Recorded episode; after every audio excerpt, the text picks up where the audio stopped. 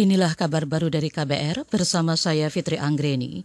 Kita ke lantai bursa saudara indeks harga saham gabungan IHSG menguat di awal perdagangan pagi. Mengutip data RTI, indeks dibuka di posisi 5006 dan langsung melejit 41 poin lebih atau 0,8 persen ke posisi 5048.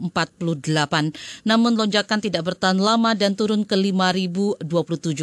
Hingga pukul 9.30 pagi sebanyak 190-an saham menguat, 120-an saham lemah, dan 120-an saham stagnan.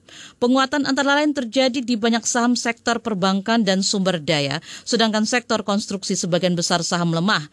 Pada Senin kemarin IAHSG ditutup anjlok di zona merah dengan penurunan 2,7 persen di level 5006.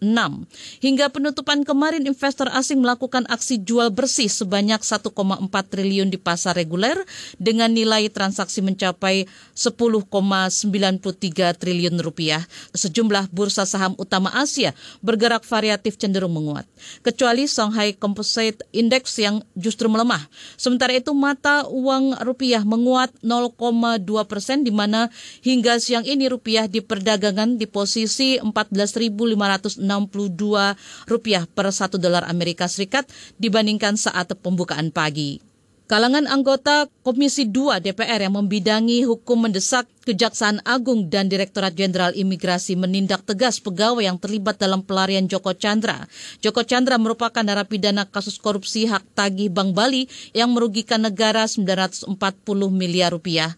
Anggota Komisi Hukum DPR Sarifuddin Suding mengatakan Kejaksaan Agung maupun keimigrasian tidak cukup hanya memberi sanksi etik terhadap orang-orang yang membantu pelarian Joko Chandra termasuk dalam pembuatan paspor dan lain-lain. Nah, saya kira ini adalah pintu masuk sebenarnya, baik jajaran kejaksaan, ya, dia maupun pihak imigrasi, ya saya kira ini harus dilakukan seperti yang dilakukan oleh pihak kepolisian gitu loh, dengan sikap yang tegas membuktikan kepada publik, ya, di samping melakukan proses etik terhadap apa namanya oknum-oknum yang terlibat dalam kaitan kasus Chandra juga dilakukan proses hukum bahkan ditahan. Dan ini tidak main-main loh.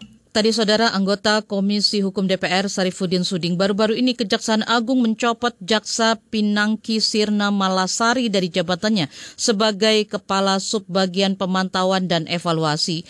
Kejagung beralasan pencopotan itu dikarenakan Pinangki melanggar disiplin berat. Jaksa Pinangki disebut bepergian ke luar negeri sebanyak sembilan kali tanpa izin pada 2019.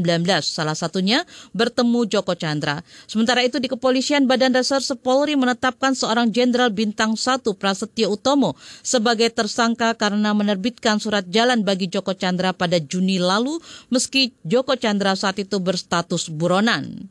Suara-suara demonstran di Thailand makin terbuka mengkritik kekuasaan berlebih dari Raja Thailand Maha Longkorn. Dalam aksi digelar di Bangkok, Thailand kemarin sekitar 200-an orang berdemonstrasi mengenakan kostum ala penyihir Harry Potter.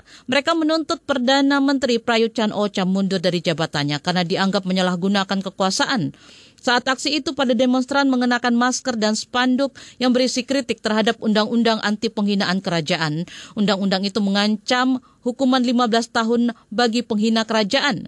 Mengutip Reuters, para demonstran memprotes Raja Thailand yang terlihat menumpuk kekuasaan monarki yang merusak demokrasi. Selain itu, Raja juga tidak mengambil tindakan terhadap serangan-serangan dari pemerintah saat ini terhadap kelompok oposisi. Pada demonstran menyebut ada sedikitnya sembilan orang tokoh oposisi yang ada di luar negeri hilang tanpa jejak dan beberapa ditemukan meninggal. Polisi menyebut akan menyelidiki dugaan penghinaan Raja tersebut. Demikian saudara kabar baru dari KBR, saya Fitri Anggreni, salam.